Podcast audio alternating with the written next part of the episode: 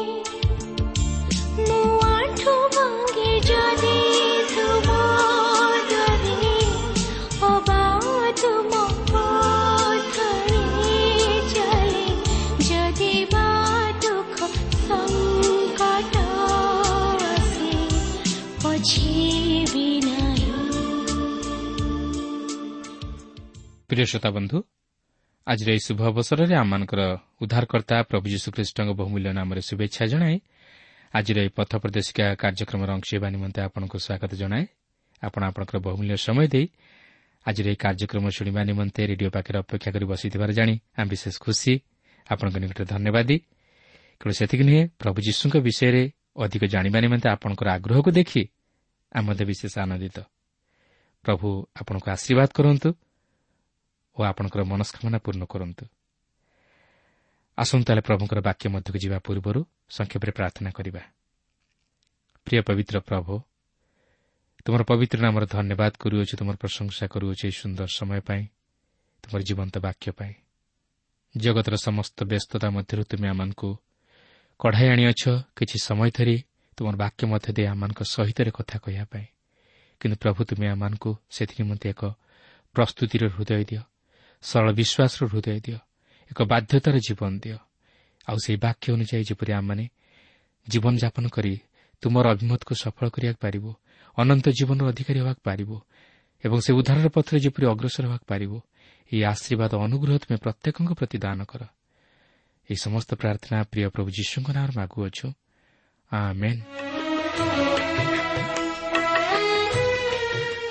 ଆସନ୍ତୁ ବର୍ତ୍ତମାନ ଆମେ ପ୍ରଭୁଙ୍କର ବାକ୍ୟ ମଧ୍ୟକୁ ଯିବା। ଆଜି ଆମେ ରୋମିଓ ତାହାର ଦୁଇ ପର୍ବର ପ୍ରଥମ ପଦରୁ ଆରମ୍ଭ କରି ଦଶପଦ ପର୍ଯ୍ୟନ୍ତ ଅଧ୍ୟୟନ କରିବା ନିମନ୍ତେ ଯିବା। ତେବେ ଆପଣଙ୍କର ମନେଥିବ ଗତ ପାଠରେ ଆମେ ଅଧ୍ୟୟନ ତଥା ଆଲୋଚନା କରି ଦେଖିଥିଲୁ ଯେ ଈଶ୍ୱରଙ୍କର ବିଦ୍ରୋହାଚରଣ କଲେ ମନୁଷ୍ୟ ପାପରେ ପତିତ ହୁଏ ଓ ସେ ନିଜର ଜୀବନ ପ୍ରତି ବିନାଶ ଆଣେ। କାରଣ ସେ ଈଶ୍ୱରଙ୍କଠାରୁ ବିମୁଖ ହେବା ଦ୍ୱାରା ଶୟତାନର ଶିକାର ହୋଇଥାଏ ଓ ତାର ଜୀବନରେ ମିଥ୍ୟା ତଥା ପ୍ରତିମା ପୂଜା ରୂପକ ପାପ ସ୍ଥାନ ପାଇଥାଏ। ଯେହେତୁ ଶୟତାନ ହେଉଛି ମିଥ୍ୟାବାଦୀର ପିତା ଓ ପ୍ରତିମା ପୂଜାର ପିତା। ଏହି ଶୈତାନ ଦ୍ୱାରା ପରିଚାଳିତ ହୋଇ ସେ ଅଧିକରୁ ଅଧିକ ପାପରେ ଲିପ୍ତ ହୁଏ ଓ ସେ ପାପକୁ ସମର୍ଥନ କରେ। ସଂକ୍ଷେପରେ କହିବାକୁ ଗଲେ ମନୁଷ୍ୟ ଯେତେବେଳେ ସତ୍ୟ ଈଶ୍ୱରଙ୍କର ଭାବବାଣୀକୁ ପ୍ରତ୍ୟାଖ୍ୟାନ କରି ନିଜର ଚିନ୍ତାଧାରା ଓ ସ୍ୱେଚ୍ଛାଚାରିତାରେ ଜୀବନଯାପନ କରେ ସେତେବେଳେ ସେ ଈଶ୍ୱରଙ୍କର କ୍ରୋଧର ପାତ୍ର ହୋଇଥାଏ ଓ ପାପରେ ପତିତ ହୁଏ। ତେଣୁ ଏଥିରୁ ଆମେ ଜାଣିବାକୁ ପାରୁଛୁ ଯେ ମନୁଷ୍ୟ ହେଉଛି ଦୁର୍ବଳ। ସେ ନିଜର ଶକ୍ତି ବା ସାମର୍ଥ୍ୟରେ ଈଶ୍ୱରଙ୍କର ପବିତ୍ରତା ଓ ଧାର୍ମିକତା ରକ୍ଷା କରିପାରେ ନା। ମାତ୍ର ସେ ଯଦି ଖ୍ରୀଷ୍ଟଙ୍କର ନିକଟବର୍ତ୍ତୀ ହୋଇ ତାହାଙ୍କଠାରେ ବିଶ୍ୱାସ କରେ ଓ ସମର୍ପିତ ଜୀବନଯାପନ କରେ ତାହାହେଲେ ସେ ଖ୍ରୀଷ୍ଟଙ୍କର ଧାର୍ମିକତା ହେତୁ ଈଶ୍ୱରଙ୍କ ଦୃଷ୍ଟିରେ ଧାର୍ମିକ ବୋଲି ଗଣିତ ହୁଏ। ଓ ସେହି ଉଦ୍ଧାରର ବିଶ୍ୱାସ ତାହାକୁ ଏକ ବିଜୟୀ ଜୀବନଯାପନ କରିବା ନିମନ୍ତେ ପ୍ରେରଣା ଯୋଗାଏ।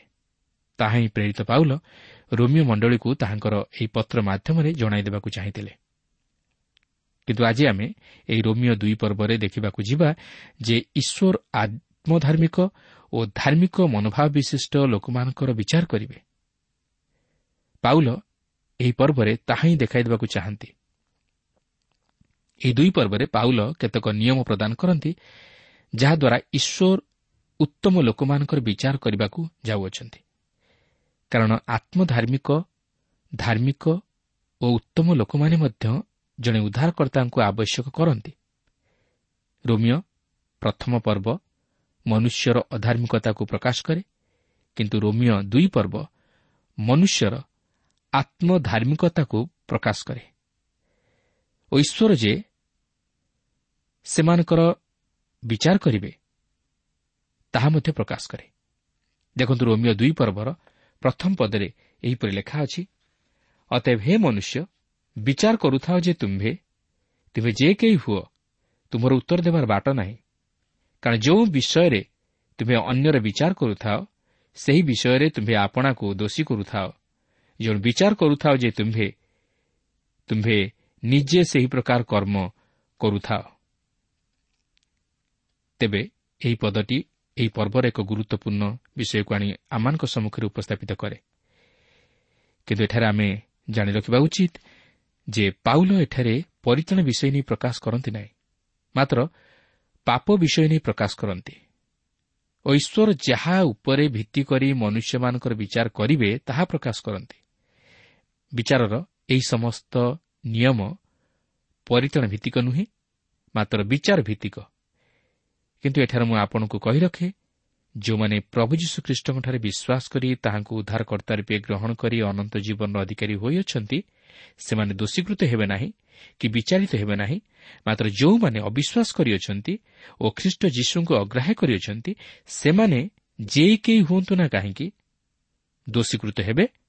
କାରଣ ସେମାନେ ଖ୍ରୀଷ୍ଟ ଯୀଶୁଙ୍କୁ ଅଗ୍ରାହ୍ୟ କରିବାରୁ ଈଶ୍ୱରଙ୍କ ବିଚାରର ସମ୍ମୁଖୀନ ହୁଅନ୍ତି। ସେଥିପାଇଁ ଜୋହନ ପାଞ୍ଚ ପର୍ବର ଚବିଶ ପଦରେ ଏହିପରି ଲେଖା ଅଛି ସତ୍ୟ ସତ୍ୟ ମୁଁ ତୁମମାନଙ୍କୁ କହୁଅଛି ଯେ ମୋହର ବାକ୍ୟ ଶୁଣି ମୋହର ପ୍ରେରଣକର୍ତ୍ତାଙ୍କୁ ବିଶ୍ୱାସ କରେ ସେ ଅନନ୍ତ ଜୀବନ ପ୍ରାପ୍ତ ହୋଇଅଛି। ପୁଣି ସେ ବିଚାରିତ ନ ହୋଇ ବରଂ ମୃତ୍ୟୁକୁ ଅତିକ୍ରମ କରି ଜୀବନରେ ପ୍ରବେଶ କରିଅଛି। ଏଥିସହିତ ଯୌହନ ତିନି ପର୍ବର ସତର ଓ ଅଠର ପଦରେ ଏହିପରି ଲେଖା ଅଛି ଯେଣୁ ଜଗତର ବିଚାର କରିବା ନିମନ୍ତେ ଈଶ୍ୱର ଆପଣା ପୁତ୍ରଙ୍କୁ ଜଗତକୁ ପ୍ରେରଣ ନ କରି ଜଗତ ଯେପରି ତାହାଙ୍କ ଦ୍ୱାରା ପରିଚାଳନା ପ୍ରାପ୍ତ ହୁଏ ଏଥିପାଇଁ ତାହାଙ୍କୁ ପ୍ରେରଣ କଲେ। ଯେ ତାହାଙ୍କଠାରେ ବିଶ୍ୱାସ କରେ ସେ ବିଚାରିତ ହୁଏ ନାହିଁ। ଯେ ବିଶ୍ୱାସ କରେ ନାହିଁ ସେ ବିଚାରିତ ହୋଇସାରିଲାଣି କାରଣ ସେ ଈଶ୍ୱରଙ୍କ ଅଦ୍ୱିତୀୟ ପୁତ୍ରଙ୍କ ନାମରେ ବିଶ୍ୱାସ କରିନାହିଁ ତେଣୁକରି ଆଜି ଯେଉଁମାନେ ସେହି ପ୍ରଭୁ ଯୀଶୁଖ୍ରୀଷ୍ଟଙ୍କୁ ଗ୍ରହଣ କରିନାହାନ୍ତି ସେମାନେ ବିନାଶ ପ୍ରାପ୍ତ ଆପଣ ଜଣେ ଧାର୍ମିକ ବ୍ୟକ୍ତି ହୋଇପାରନ୍ତି କିମ୍ବା ଆପଣ ଜଣେ ଉତ୍ତମ ବ୍ୟକ୍ତି ହୋଇପାରନ୍ତି କିନ୍ତୁ ଆପଣଙ୍କ ଜୀବନରେ ଯଦି ଖ୍ରୀଷ୍ଟ ନାହାନ୍ତି ତାହେଲେ ଆପଣ ବିନାଶ ପ୍ରାପ୍ତ ଆପଣ ଅନ୍ୟର ବିଚାର କରିପାରନ୍ତି। ନିଜକୁ ଧାର୍ମିକ ବୋଲି ଦେଖାଇ ପାରନ୍ତି। ମାତ୍ର ଆପଣ ଈଶ୍ୱରଙ୍କ ବିଚାରରୁ ରକ୍ଷା ପାଇପାରିବେ ନାହିଁ। ପାଉଲ ଏଠାରେ ଯେତେବେଳେ କହନ୍ତି ହେ ମନୁଷ୍ୟ ସେତେବେଳେ ସେ ସର୍ବସାଧାରଣଙ୍କୁ ସମ୍ବୋଧନ କରି କହନ୍ତି। ଲେଖା ଅଛି ବିଚାର କରୁଥାଉ ଯେ ତୁମ୍ଭେ ତୁମେ ଯେ କେହି ହୁଅ। ଏଠାରେ ସେ ଏକ ନିର୍ଦ୍ଦିଷ୍ଟ ବ୍ୟକ୍ତି ବିଶେଷ ଉପରେ ଜୋର ଦିଅନ୍ତି ଯେ କି ଅନ୍ୟର ଦୋଷ ଧରି ତାହାର ବିଚାର କରେ ଅର୍ଥାତ୍ ଅନ୍ୟକୁ ଦୋଷାରୋପ କରେ। ସେ ନିଜେ ମଧ୍ୟ ଦୋଷୀକୃତ ହେବ ଯଦି ସେ ଖ୍ରୀଷ୍ଟଙ୍କୁ ଗ୍ରହଣ କରିନଥାଏ ତେଣୁକରି ଏଠାରେ ପ୍ରଶ୍ନ ଆସେ ଏହି ରୋମିଓ ପ୍ରଥମ ପର୍ବରେ ଯେଉଁ ଦୁଷ୍ଟ ପ୍ରକୃତିର ଲୋକମାନଙ୍କ ବିଷୟ ନେଇ ବା ଅଧାର୍ମିକ ଲୋକମାନଙ୍କ ବିଷୟ ନେଇ ପ୍ରକାଶ କରାଯାଇଅଛି ସେହି ଲୋକମାନଙ୍କ ପ୍ରତି ଜଣେ ଖ୍ରୀଷ୍ଟ ବିଶ୍ୱାସୀର ମନୋଭାବ କିପରି ହେବା ଦରକାର? ଏହାର ଉତ୍ତର ହେଉଛି ସେମାନେ ଯେପରି ଉଦ୍ଧାର ପାଆନ୍ତୁ ଏହା ଆମ୍ଭେମାନେ ଇଚ୍ଛା କରିବା ଉଚିତ। ଆମ୍ଭେମାନେ ସେମାନଙ୍କ ନିକଟରେ ସୁଷମାଚାର ପହଞ୍ଚାଇବା ନିମନ୍ତେ ଚେଷ୍ଟା କରିବା ଉଚିତ। ଏହା ହିଁ ସେମାନଙ୍କ ପ୍ରତି ଆମମାନଙ୍କର ମନୋଭାବ ହେବା ଆବଶ୍ୟକ। ପୁନଶ୍ଚ ପାଉଲ କହନ୍ତି ଜଣେ ବିଚାର କରୁଥାଉ ଯେ ତୁମ୍ଭେ ତୁମ୍ଭେ ନିଜେ ସେହି ପ୍ରକାର କର୍ମ କରୁଥାଅ। ଏଠାରେ ପାଉଲ ଯେଉଁ ସେହି ପ୍ରକାର କର୍ମ ବୋଲି ଏକ ଶବ୍ଦ ପ୍ରୟୋଗ କରନ୍ତି ସେହି କର୍ମ ଈଶ୍ୱରଙ୍କ ଦୃଷ୍ଟିରେ ଘୃଣାର କର୍ମ ଯାହାକି ବିଜାତୀୟମାନଙ୍କର କାର୍ଯ୍ୟକଳାପକୁ ପ୍ରକାଶ କରେ। ଓ ଯାହା ସେହି ସଭ୍ୟ ତଥା ଭଦ୍ର ପାପୀମାନଙ୍କ ପକ୍ଷରେ ଘୃଣାଜନକ ବିଷୟ ଥିଲା। ସଂକ୍ଷେପରେ କହିବାକୁ ଗଲେ ପାଉଲ ଏହିପରି ଆତ୍ମଧାର୍ମିକ ଲୋକମାନଙ୍କ ବିଷୟ ନେଇ ପ୍ରକାଶ କରନ୍ତି ଯେଉଁମାନେ କି ନିଜର ଦୋଷ ଦୁର୍ବଳତାକୁ ଦେଖନ୍ତି ନାହିଁ ମାତ୍ର ଅନ୍ୟକୁ ଦୋଷାରୋପ କରନ୍ତି ଓ ଅନ୍ୟର ବିଚାର କରନ୍ତି। କିନ୍ତୁ ଅପରପକ୍ଷରେ ନିଜେ ସେହିପରି ପାପରେ ଜୀବନ ଅତିବାହିତ କରନ୍ତି। ବର୍ତ୍ତମାନ ପାଉଲ କେତେକ ନିୟମ ଉପସ୍ଥାପିତ କରନ୍ତି ଯାହାଦ୍ୱାରା ଈଶ୍ୱର ସେହି ଆତ୍ମଧାର୍ମିକ ଲୋକମାନଙ୍କର ବା ସେହି ସଭ୍ୟ ତଥା ଭଦ୍ର ପାପୀମାନଙ୍କର ବିଚାର କରିବେ। ବର୍ତ୍ତମାନ ଏଠାରେ ଆମେ ସେହି ନିୟମମାନଙ୍କ ମଧ୍ୟରୁ ପ୍ରଥମ ପ୍ରଧାନ ନିୟମଟିକୁ ଲକ୍ଷ୍ୟ କରିବାକୁ ଯିବା ଯାହାକି ରୋମିଓ ଦୁଇ ପର୍ବର ଦୁଇ ପଦରେ ଲେଖା ଅଛି। ଆଉ ଯେଉଁମାନେ ଏହି ପ୍ରକାର କର୍ମ କରନ୍ତି ସେମାନଙ୍କ ବିରୁଦ୍ଧରେ ଈଶ୍ୱରଙ୍କ ବିଚାର ଯେ ନ୍ୟାୟସଙ୍ଗତ ଏହା ଆମମାନେ ଜାଣୁ। ଅନ୍ୟ ଅର୍ଥରେ କହିବାକୁ ଗଲେ ପ୍ରେରିତ ପାଉଲ କହନ୍ତି ଆମ୍ଭେମାନେ ଜାଣୁ ଯେ ଈଶ୍ୱରଙ୍କ ବିଚାର ନ୍ୟାୟସଙ୍ଗତ ବା ସତ୍ୟସଙ୍ଗତ। ତାଙ୍କ ବିଚାରରେ ପକ୍ଷପାତିତା ନାହିଁ। ସେ ବିଚାରରେ କାହାର ମୁଖାପେକ୍ଷା କରନ୍ତି ନାହିଁ। ମନୁଷ୍ୟ ମନୁଷ୍ୟ ନିକଟରେ ଧାର୍ମିକ ବୋଲି ବିବେଚିତ ହୋଇପାରେ ବା ମନୁଷ୍ୟ ନିଜକୁ ଧାର୍ମିକ ବୋଲି ବିଚାର କରି ଅନ୍ୟକୁ ଦୋଷାରୋପ କରେ ବା ଅନ୍ୟର ବିଚାର କରେ। କିନ୍ତୁ ଈଶ୍ୱର ମନୁଷ୍ୟର ହୃଦୟର ଚିନ୍ତାଧାରା ଓ କାର୍ଯ୍ୟକଳାପକୁ ଜାଣନ୍ତି ଓ ସେ ତଦନୁଯାୟୀ ତାହାର ବିଚାର କରିବେ। ତେବେ ଏହି ସମସ୍ତ ନିୟମ ବିଚାରର ନିୟମ ମାତ୍ର ପରିତ୍ରାଣର ନିୟମ ନୁହେଁ କାରଣ ପରିତ୍ରାଣ ହେଉଛି ଈଶ୍ୱରଙ୍କର ଅନୁଗ୍ରହର ଦାନ। ଈଶ୍ୱରଙ୍କ ବିଚାର ନେଇ ପବିତ୍ର ବାଇବଲ ମଧ୍ୟ ସ୍ପଷ୍ଟ ଭାବେ ପ୍ରକାଶ କରେ ଯାହାକି ପ୍ରେରିତ ସତର ପର୍ବର ଏକତିରିଶ ପଦରେ ଲେଖା ଅଛି। କାରଣ ଯେଉଁଦିନ ସେ ଆପଣା ନିରୂପିତ ବ୍ୟକ୍ତିଙ୍କ ଦ୍ୱାରା ଧାର୍ମିକତାରେ ଜଗତର ବିଚାର କରିବେ ଏହିପରି ଗୋଟିଏ ଦିନ ସ୍ଥିର କରିଅଛନ୍ତି ଆଉ ତାହାଙ୍କୁ ମୃତମାନଙ୍କ ମଧ୍ୟରୁ ଉତ୍ଥାପନ କରି ଏ ବିଷୟରେ ସମସ୍ତଙ୍କ ନିକଟରେ ପ୍ରମାଣ ଦେଇଅଛନ୍ତି। ପ୍ରିୟ ବନ୍ଧୁ ଆମ ପ୍ରତ୍ୟେକଙ୍କୁ ଦିନେ ନା ଦିନେ ଈଶ୍ୱରଙ୍କ ବିଚାରର ସମ୍ମୁଖୀନ ହେବାକୁ ହେବ। କିନ୍ତୁ ଆପଣ କ'ଣ ଈଶ୍ୱରଙ୍କ ନିକଟରେ ନିଜର କ୍ରିୟାକର୍ମ ଦ୍ୱାରା ଧାର୍ମିକ ବୋଲି ବିବେଚିତ ହୋଇପାରିବେ? ଈଶ୍ୱରଙ୍କର ନିୟମ ଅନୁଯାୟୀ ଆପଣ କ'ଣ ତାହାଙ୍କ ଦୃଷ୍ଟିରେ ଧାର୍ମିକ ବୋଲି ବିବେଚିତ ହୋଇପାରିବେ? କିନ୍ତୁ ମନେ ରଖନ୍ତୁ ଈଶ୍ୱର ଆପଣଙ୍କର ହୃଦୟର ଚିନ୍ତାଧାରା ଓ କାର୍ଯ୍ୟକଳାପକୁ ତୋଲନ୍ତି ସେ ଆପଣଙ୍କର ପ୍ରତ୍ୟେକଟି କାର୍ଯ୍ୟ ଓ ଚିନ୍ତାଧାରାକୁ ଜାଣନ୍ତି। ତେଣୁ ତଦନୁଯାୟୀ ସେ ଆପଣଙ୍କର ବିଚାର କରିବେ। ଏହାପରେ ଦୁଇ ପର୍ବର ତିନି ପଦରେ ଲେଖା ଅଛି ଆଉ ହେ ମନୁଷ୍ୟ ଯେଉଁମାନେ ଏହି ପ୍ରକାର କର୍ମ କରନ୍ତି ସେମାନଙ୍କର ବିଚାର କରି ଆପେ ସେହି ପ୍ରକାର କରୁଥାଉ ଯେ ତୁମ୍ଭେ ତୁମେ ଈଶ୍ୱରଙ୍କ ବିଚାରରୁ ପଳାୟନ କରିପାର ବୋଲି କ'ଣ ମନେ କରୁଅଛ? ପ୍ରିୟ ବନ୍ଧୁ ଈଶ୍ୱରଙ୍କ ବିଚାରରୁ କେହି ପଳାଇ ଯାଇପାରିବ ନାହିଁ। ଏହି ଜଗତରେ ମନୁଷ୍ୟ ମନୁଷ୍ୟ ଆଖିରେ ଧୂଳି ଦେଇପାରେ ନିଜକୁ ନିର୍ଦ୍ଦୋଷୀ ବୋଲି ପ୍ରମାଣିତ କରିଦେଇପାରେ। ଓ ବିଚାରପତିମାନଙ୍କୁ ଭଣ୍ଡେଇ ଦେଇପାରେ। ଏପରିକି ସେ ବିଚାରାଳୟରେ ବିଚାର ବିଭାଗର ଆଇନ କାନୁନ ମୁତାବକ ଯୁକ୍ତିଯୁକ୍ତ କାରଣ ଦର୍ଶାଇ ସତ୍ୟକୁ ମିଥ୍ୟାରେ ପରିଣତ କରି ଦଣ୍ଡରୁ ରକ୍ଷା ପାଇଯାଇପାରେ ଓ ନିଜକୁ ନିରପରାଧୀ ବ୍ୟକ୍ତି ବୋଲି ଲୋକମାନଙ୍କ ନିକଟରେ ପରିଚୟ ଦେଇପାରେ। କିନ୍ତୁ ସେ କେବେ ହେଲେ ଈଶ୍ୱରଙ୍କ ବିଚାରରୁ ଖସି ପଳାଇ ଯାଇପାରିବ ନାହିଁ। ଯେହେତୁ ଈଶ୍ୱର ସର୍ବଦର୍ଶୀ ଓ ସର୍ବନ୍ତର୍ଯ୍ୟାମୀ ତାଙ୍କ ନିକଟରେ କୌଣସି ମୁଖାପେକ୍ଷା ନାହିଁ। ତାଙ୍କ ନିକଟରେ କୌଣସି ଆଇନଗତ ପ୍ରମାଣ ଆବଶ୍ୟକ ନାହିଁ। ଯେହେତୁ ସବୁର ପ୍ରମାଣ ତାହାଙ୍କ ପାଖରେ। ସେଥିପାଇଁ ଏଭ୍ରି ଦୁଇ ପର୍ବର ତିନି ପଦରେ ଲେଖା ଅଛି କାରଣ ଦୂତମାନଙ୍କ ଦ୍ୱାରା କଥିତ ବାକ୍ୟ ଯଦି ଅଟଳ ହୋଇ ରହିଲା ଆଉ ପ୍ରତ୍ୟେକ ଆଜ୍ଞା ଲଙ୍ଘନ ଓ ଅବାଧ୍ୟତା ଯଥାର୍ଥ ପ୍ରତିଶୋଧ ପାଇଲା ତେବେ ଏପରି ମହାପରିତାଣ ଅବହେଳା କଲେ ଆମମାନେ କିପରି ରକ୍ଷା ପାଇବା? ତେଣୁ ଆମେ କେବେ ହେଲେ ଈଶ୍ୱରଙ୍କ ବିଚାରରୁ ଖସି ପଳାଇ ଯାଇପାରିବା ନାହିଁ। ଏହାପରେ ରୋମିଓ ଦୁଇ ପର୍ବର ଚାରିପଦରେ ଲେଖା ଅଛି କିମ୍ବା ଈଶ୍ୱରଙ୍କ କୃପା ଯେ ତୁମ୍ଭକୁ ମନ ପରିବର୍ତ୍ତନ ଆଡ଼କୁ ଘେଣିଯିବାକୁ ଚେଷ୍ଟା କରେ ଏହା ନ ଜାଣି ତୁମ୍ଭେ କି ତାହାଙ୍କର କୃପା ଧୈର୍ଯ୍ୟ ଓ ଚିର ସହିଷ୍ଣୁତା ରୂପ ଧନ ସବୁ ତୁଚ୍ଛ କରୁଅଛ? ଆମେ ଜାଣି ରଖିବା ଉଚିତ ଯେ ଈଶ୍ୱରଙ୍କ ଉତ୍ତମତା ତଥା ଦୟା ଅନୁଗ୍ରହ ଆମମାନଙ୍କୁ ତାହାଙ୍କର ନିକଟବର୍ତ୍ତୀ କରାଇଥାଏ। କିନ୍ତୁ ମନୁଷ୍ୟ ଈଶ୍ୱରଙ୍କର ନିକଟବର୍ତ୍ତୀ ହେବା ପରିବର୍ତ୍ତେ ଈଶ୍ୱରଙ୍କଠାରୁ ଦୂରବର୍ତ୍ତୀ ଜୀବନଯାପନ କରେ। କିନ୍ତୁ ଈଶ୍ୱର ଯଦିଓ ଦୀର୍ଘ ସହିଷ୍ଣୁ ମାତ୍ର ସେ ଚିର ସହିଷ୍ଣୁ ନୁହନ୍ତି ଦାଉଦ ମଧ୍ୟ ଦୁଷ୍ଟମାନଙ୍କର ଉନ୍ନତି ଦେଖି ବିଚଳିତ ହୋଇଯାଇଥିଲେ। ଯେହେତୁ ଈଶ୍ୱର ସେମାନଙ୍କ ପ୍ରତି ସେପରି କିଛି ବିପତ୍ତି ଘଟାଇ ନଥିଲେ ମାତ୍ର ପରେ ସେ ସେମାନଙ୍କର ଶେଷ ଗତି ଜାଣିବାକୁ ପାରିଲେ ଯାହାକି ସେ ଗୀତ ସଂହିତା ତେସ୍ତରୀ ପର୍ବରେ ପ୍ରକାଶ କରିଅଛନ୍ତି।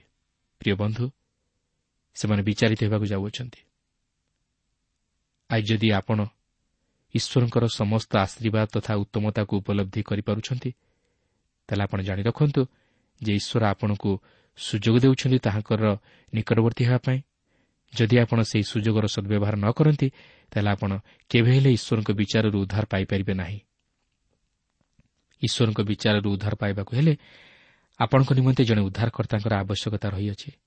ଆଉ ସେହି ଉଦ୍ଧାରକର୍ତ୍ତା ହେଉଛନ୍ତି ପ୍ରଭୁ ଯୀଶୁଖ୍ରୀଷ୍ଟ। ଯାହାଙ୍କଠାରେ ବିଶ୍ୱାସ କରି ଉଦ୍ଧାରକର୍ତ୍ତା ରୂପେ ଗ୍ରହଣ କରିବା ଦ୍ୱାରା ଆପଣ ଈଶ୍ୱରଙ୍କ ବିଚାରରୁ ରକ୍ଷା ପାଇପାରିବେ।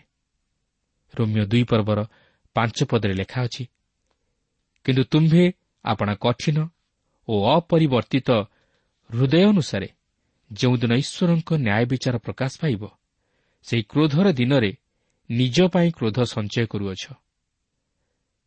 ପ୍ରିୟ ବନ୍ଧୁ ଯଦି ଆପଣ ଏପର୍ଯ୍ୟନ୍ତ ସେହି ଉଦ୍ଧାରର ଅନୁଭୂତି ମଧ୍ୟ ଦେଇ ଆସିନାହାନ୍ତି ତାହେଲେ ମୁଁ ଆପଣଙ୍କୁ କହି ରଖେ ଆପଣ ଜାଣନ୍ତି ଈଶ୍ୱର ଆପଣଙ୍କୁ କେତେ ଆଶୀର୍ବାଦ କରିଅଛନ୍ତି। ସେ ଆପଣଙ୍କ ପ୍ରତି କେତେ ଉତ୍ତମ ଅଟନ୍ତି। ଚିନ୍ତା କରନ୍ତୁ ଏହି ଜଗତରେ କେତେ ଲୋକ ଅଛନ୍ତି ଯେଉଁମାନଙ୍କର କିଛି ନାହିଁ ଯେଉଁମାନେ କି ମୃତ୍ୟୁ ସହିତ ଲଢ଼େଇ କରୁଛନ୍ତି। କିନ୍ତୁ ଆପଣ ନିଜ ଜୀବନକୁ ସମୀକ୍ଷା କରନ୍ତୁ ଓ ଚିନ୍ତା କରନ୍ତୁ ଈଶ୍ୱର ଆପଣଙ୍କୁ କେତେ ଦୂର ଆଶୀର୍ବାଦ କରିଅଛନ୍ତି? ସେ ଆପଣଙ୍କୁ କେତେ ଉନ୍ନତ କରିଅଛନ୍ତି? କିନ୍ତୁ ଆପଣ କ'ଣ ତାହାଙ୍କର ନିକଟବର୍ତ୍ତୀ ହୋଇପାରିଛନ୍ତି? ଆପଣ କ'ଣ ମନେ ମନେ ଭାବୁଛନ୍ତି ଯେ ଆପଣ ଅନ୍ୟମାନଙ୍କ ଅପେକ୍ଷା ଶ୍ରେଷ୍ଠ ଓ ଧାର୍ମିକ ତଥା ଈଶ୍ୱରଙ୍କର ପ୍ରିୟ ପାତ୍ର ଆପଣ କ'ଣ ଭାବୁଛନ୍ତି ଯେ ଆପଣ ଈଶ୍ୱରଙ୍କ ବିଚାରରୁ ବର୍ତ୍ତିଯିବେ? ବା ଈଶ୍ୱର ଆପଣଙ୍କର ବିଚାର କରିବେ ନାହିଁ?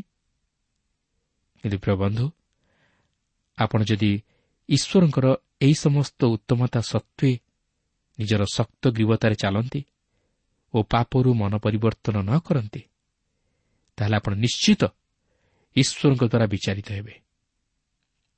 ଏହାପରେ ଆମେ ଏହି ରୋମିଓ ଦୁଇ ପର୍ବର ଛଅ ପଦରେ ଆତ୍ମଧାର୍ମିକ ଲୋକମାନଙ୍କ ନିମନ୍ତେ ଈଶ୍ୱରଙ୍କ ବିଚାରର ଦ୍ୱିତୀୟ ନିୟମଟି ଲକ୍ଷ୍ୟ କରିବାକୁ ପାରୁ। ଦେଖନ୍ତୁ ଏଠାରେ ଏହିପରି ଲେଖା ଅଛି ସେ ପ୍ରତ୍ୟେକ ଲୋକକୁ ନିଜ ନିଜ କର୍ମାନୁସାରେ ଫଳ ଦେବେ। ତେବେ ବିଚାର କରିବାର ବା ପୁରସ୍କାର ଦେବାର ମାନଦଣ୍ଡ ହେଉଛି ନ୍ୟାୟ ବିଚାର। ମନୁଷ୍ୟର ସମସ୍ତ କର୍ମ ଈଶ୍ୱରଙ୍କର ପବିତ୍ର ଆଲୋକରେ ଉପସ୍ଥାପିତ ହୁଏ।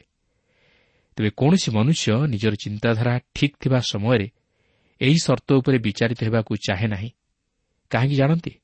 ଯେହେତୁ ସେ କେବେ ହେଲେ ନିଜ ଧର୍ମକର୍ମ ନେଇ ଈଶ୍ୱରଙ୍କର ଗ୍ରାହ୍ୟ ଧାର୍ମିକତା ସାଧନ କରିପାରିବ ନାହିଁ। କର୍ଣ୍ଣିଲିୟ ଜଣେ ଉତ୍ତମ ବ୍ୟକ୍ତି ଥିଲେ ଏଥିରେ ସନ୍ଦେହ ନାହିଁ। ମାତ୍ର ସେ ଯେପର୍ଯ୍ୟନ୍ତ ସେହି ପ୍ରଭୁ ଯୀଶୁଖ୍ରୀଷ୍ଟଙ୍କର ଉଦ୍ଧାରର ପରିଚୟ ପାଇନଥିଲେ ସେ ପର୍ଯ୍ୟନ୍ତ ତାହାଙ୍କର କ୍ରିୟାକର୍ମ ଫଳପ୍ରଦ ହୋଇପାରିନଥିଲା। କାରଣ ମନୁଷ୍ୟର ଚିନ୍ତାଧାରା ଓ ବିଚାର ବୁଦ୍ଧି ଈଶ୍ୱରଙ୍କ ପରି ନୁହେଁ। ଓ ମନୁଷ୍ୟ ଯେପରି ଚିନ୍ତା କରେ ଈଶ୍ୱର ସେପରି ଚିନ୍ତା କରନ୍ତି ନାହିଁ। ତାଛଡ଼ା ମନୁଷ୍ୟ ନିଜର ଶକ୍ତି ବା ଉଦ୍ୟମରେ ସେହି ପୁରସ୍କାରର ଅଧିକାରୀ ହୋଇପାରିବ ନାହିଁ। ମାତ୍ର ଖ୍ରୀଷ୍ଟଙ୍କ ସହିତ ସଂଯୁକ୍ତ ହେଲେ ସେ ଫଳ ଫଳିପାରିବ ଓ ସେହି ଶେଷ ଦିନରେ ସେ ସେହି ପୁରସ୍କାରର ଅଧିକାରୀ ହୋଇପାରିବ। ଏହାପରେ ରୋମିଓ ଦୁଇ ପର୍ବର ସାତ ପଦରୁ ଦଶ ପଦ ମଧ୍ୟରେ ଲେଖା ଅଛି ଯେଉଁମାନେ ଧୈର୍ଯ୍ୟ ସହିତ ଉତ୍ତମ କର୍ମ କରି ଗୌରବ ସମ୍ମାନ ଓ ଅମରତା ଅନ୍ୱେଷଣ କରନ୍ତି ସେମାନଙ୍କୁ ଅନନ୍ତ ଜୀବନ ପ୍ରଦାନ କରିବେ। କିନ୍ତୁ ଯେଉଁମାନେ ସ୍ୱାର୍ଥପର ପୁଣି ସତ୍ୟର ଅନାଜ୍ଞାବହ ମାତ୍ର ଅଧାର୍ମିକତାର ଆଜ୍ଞାବହ ସେମାନଙ୍କ ପ୍ରତି କ୍ରୋଧ ଓ କୋପ ଘଟିବ। ପ୍ରଥମରେ ଜିହୁଦୀ ଓ ମଧ୍ୟ ଗ୍ରୀକ୍ ପ୍ରତ୍ୟେକ ଦୁଷ୍କର୍ମକାରୀ ଲୋକର ପ୍ରାଣ ଉପରେ କ୍ଲେଶ ଓ ସଙ୍କଟ ଘଟିବ। ମାତ୍ର ପ୍ରଥମରେ ଜିହୁଦୀ ଓ ମଧ୍ୟ ଗ୍ରୀକ୍ ପ୍ରତ୍ୟେକ ସତ୍କର୍ମକାରୀ ପ୍ରତି ଗୌରବ ସମ୍ମାନ ଓ ଶାନ୍ତି ଘଟିବ। ତେବେ ଏହି ଦ୍ୱିତୀୟ ନିୟମ ଅନୁଯାୟୀ ଏକ ଜୀବନର ପଥ ବିଷୟବସ୍ତୁ ନୁହେଁ ମାତ୍ର ବିଚାର ଭିତ୍ତିକ ଜଣେ ଉତ୍ତମ କର୍ମକାରୀ ସେ ତାହାର କର୍ମ ନେଇ ବିଚାରିତ ହେବ। କାରଣ ପ୍ରକାଶିତ କୋଡ଼ିଏ ପର୍ବର ବାରପଦରେ ଜୋହନ ଏହିପରି ପ୍ରକାଶ କରନ୍ତି ପୁଣି ମୁଁ କ୍ଷୁଦ୍ର ଓ ମହାନ ସମସ୍ତ ମୃତ ଲୋକଙ୍କୁ ସିଂହାସନର ସମ୍ମୁଖରେ ଠିଆ ହୋଇଥିବାର ଦେଖିଲି। ଆଉ ପୁସ୍ତକ ସବୁ ଫିଟାଗଲା। ପରେ ଜୀବନ ପୁସ୍ତକ ନାମକ ଆଉ ଗୋଟିଏ ପୁସ୍ତକ ଫିଟାଗଲା। ସେହି ପୁସ୍ତକମାନଙ୍କରେ ଲିଖିତ ବିଷୟ ପ୍ରମାଣେ ମୃତମାନେ ଆପଣା ଆପଣା କର୍ମାନୁସାରେ ବିଚାରିତ ହେଲେ। ଯେଉଁ ମନୁଷ୍ୟ ଅନନ୍ତ ଜୀବନ ନିମନ୍ତେ କର୍ମ ଉପରେ ନିର୍ଭର କରେ ସେ ସେହିପରି କରିପାରେ ଓ ସେ ନିଜର କର୍ମ ଅନୁଯାୟୀ ବିଚାରିତ ହେବ ମାତ୍ର ତାହାକୁ ସତର୍କ କରାଇ ଦିଆଯାଇଅଛି ଯେ ସେମାନେ କିଛି ଲାଭ ପାଇବେ ନାହିଁ। କାରଣ ସେହି ପ୍ରକାଶିତ ବାକ୍ୟ କୋଡ଼ିଏ ପର୍ବର ପନ୍ଦର ପଦରେ ଜୋହନ ଏହିପରି ପ୍ରକାଶ କରନ୍ତି ଯାହାର ନାମ ଜୀବନ ପୁସ୍ତକରେ ଲେଖା ହୋଇଥିବାର ଦେଖା ନ ଗଲା ତାହାକୁ ଅଗ୍ନିମୟ ହ୍ରଦରେ ପକାଗଲା। ଆପଣ ପ୍ରଭୁ ଯୀଶୁଖ୍ରୀଷ୍ଟଙ୍କୁ ଉଦ୍ଧାରକର୍ତ୍ତା ରୂପେ ବିଶ୍ୱାସ କରିବା ଦ୍ୱାରା ଆପଣଙ୍କ ନାମ ସେହି ଜୀବନ ପୁସ୍ତକରେ ସ୍ଥାନ ପାଏ। କାରଣ ଅନନ୍ତ ଜୀବନ ଆପଣଙ୍କ ଉଦ୍ୟମର ପୁରସ୍କାର ନୁହେଁ ମାତ୍ର ଏହା ହେଉଛି ଈଶ୍ୱରଙ୍କର ଅନୁଗ୍ରହର ଦାନ। ସେମାନଙ୍କ ପ୍ରତି ଯେଉଁମାନେ ଖ୍ରୀଷ୍ଟ ଯୀଶୁଙ୍କଠାରେ ବିଶ୍ୱାସ କରନ୍ତି ମାତ୍ର କ୍ରିୟାକର୍ମରୁ ନୁହେଁ ହଁ ଆପଣ ନିଜର କର୍ମ ଦ୍ୱାରା ଈଶ୍ୱରଙ୍କର ଆଶୀର୍ବାଦର ଅଧିକାରୀ ହୋଇପାରନ୍ତି କିନ୍ତୁ ଅନନ୍ତ ଜୀବନର ନୁହେଁ। କାରଣ ଅନନ୍ତ ଜୀବନ ଖ୍ରୀଷ୍ଟଙ୍କଠାରେ ବିଶ୍ୱାସ କରି ତାହାଙ୍କୁ ଉଦ୍ଧାରକର୍ତ୍ତା ରୂପେ ଗ୍ରହଣ କରିବା ଦ୍ୱାରା ପ୍ରାପ୍ତ ହୁଏ। କାରଣ ମନୁଷ୍ୟ କ୍ରିୟାକର୍ମ ଦ୍ୱାରା ଈଶ୍ୱରଙ୍କ ନିକଟରେ ଧାର୍ମିକ ଗଣିତ ହୁଏ ନାହିଁ ମାତ୍ର ଖ୍ରୀଷ୍ଟଙ୍କଠାରେ ବିଶ୍ୱାସ କରିବା ଦ୍ୱାରା ଧାର୍ମିକ ଗଣିତ ହୁଏ। ଯେହେତୁ ଖ୍ରୀଷ୍ଟ ଆମମାନଙ୍କ ନିମନ୍ତେ ସେହି ଧାର୍ମିକତା ସାଧନ କରିଅଛନ୍ତି ଓ ସେ ଆମମାନଙ୍କୁ ଈଶ୍ୱରଙ୍କ ନିକଟରେ ଧାର୍ମିକ କରି ଉପସ୍ଥାପିତ କରନ୍ତି।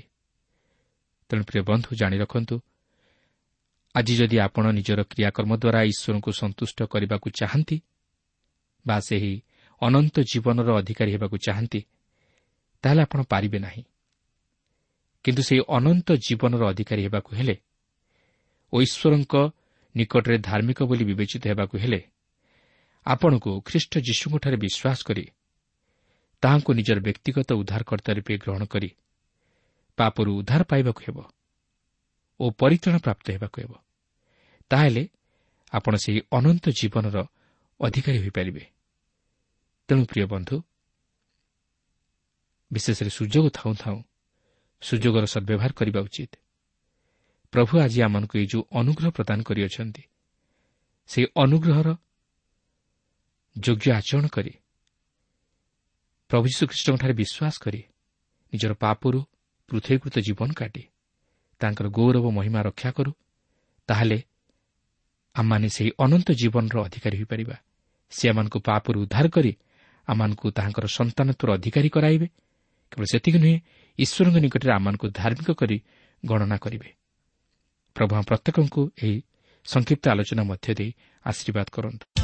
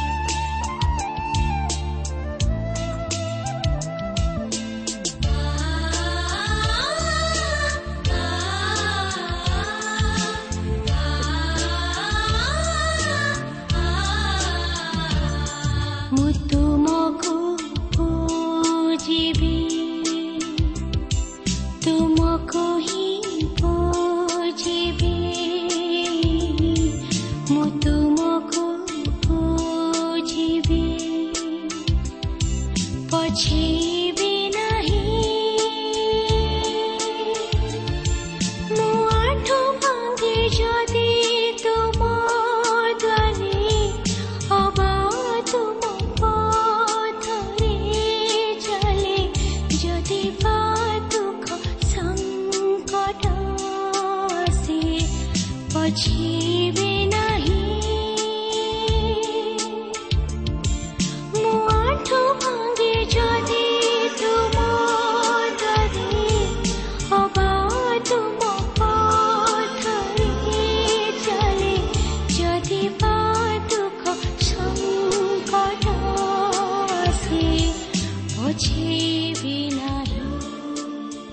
ପ୍ରିୟ ଶ୍ରୋତା ଏହି କାର୍ଯ୍ୟକ୍ରମ ଶୁଣିଥିବାରୁ ଆପଣଙ୍କୁ ଅଶେଷ ଧନ୍ୟବାଦ। ଏହି କାର୍ଯ୍ୟକ୍ରମ ଆପଣଙ୍କୁ କିପରି ଲାଗିଲା ଓ କେଉଁ ବିଷୟଟି ଆପଣଙ୍କ ହୃଦୟକୁ ଅଧିକ ସ୍ପର୍ଶ କରିଛି ତାହା ଲେଖି ଜଣାଇଲେ ଆମେ ବିଶେଷ ଉପକୃତ ହେବୁ। ଯଦି କିଛି ପ୍ରଶ୍ନ ବା ସନ୍ଦେହ ଥାଏ ତାହା ପତ୍ର ମାଧ୍ୟମରେ ଅଥବା ଟେଲିଫୋନ ଯୋଗେ ଆମକୁ ଜଣାନ୍ତୁ। ଆମର ଠିକଣା ପଥ ପ୍ରଦର୍ଶିକା trans world radio India post box number ତିନି ତିନି ଭୁବନେଶ୍ୱର ସାତ ପାଞ୍ଚ ଏକ ଶୂନ ଶୂନ ଏକ। Mobile number nine seven double seven double two one four one five ଠିକଣାଟି ଆଉଥରେ ଶୁଣନ୍ତୁ। ପଥ ପ୍ରଦର୍ଶିକା trans world radio India post box number three three Bhubaneswar seven five one zero zero one mobile number nine seven double seven double two one four one five ଆମର email ଆଡ୍ରେସଟି ଲେଖି ରଖନ୍ତୁ। Odia TTV at radio eight eight two dot com ତେବେ ଆଜି ପାଇଁ ଏଇଠାରେ ରଖୁଛୁ। ନମସ୍କାର।